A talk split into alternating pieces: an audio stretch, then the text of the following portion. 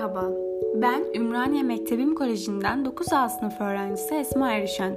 Bugün 4 önemli tarihten 21 Haziran durumunu ve bu tarihe ait özellikleri anlatacağım. Dilerseniz başlayalım.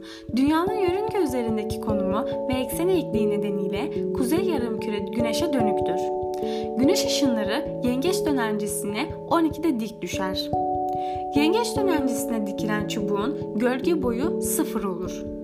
Güneş ışınlarının atmosferdeki tutulma oranı yengeç dönencisine en azdır.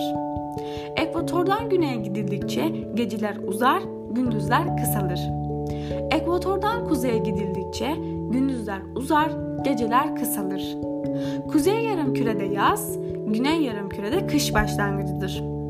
Aydınlanma çemberi kutup dairelerine teğet geçer. Kuzey Kutup Dairesi'nin tamamı güneşi görürken 24 saat gündüz, Güney Kutup Dairesi'nin tamamı karanlıkta kalır ve 24 saat gece yaşanır. Güneş, kuzey yarımkürede ufuk düzlemi üzerindeki en yüksek, güney yarımkürede en alçak konumuna gelir. Gölge boyu kuzey yarımkürede en kısa, güney yarımkürede en uzun durumdadır. Kuzey yarımkürede en uzun gündüz, en kısa gece, güney yarımkürede en kısa gündüz, en uzun gece yaşanır. Bu tarihten sonra kuzey yarımkürede gündüzler kısalmaya, geceler uzamaya, güney yarımkürede gündüzler uzamaya, geceler kısalmaya başlar.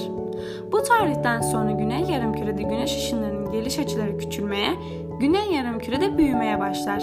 Bir sonraki öğrenci ders dinletisinde görüşmek üzere.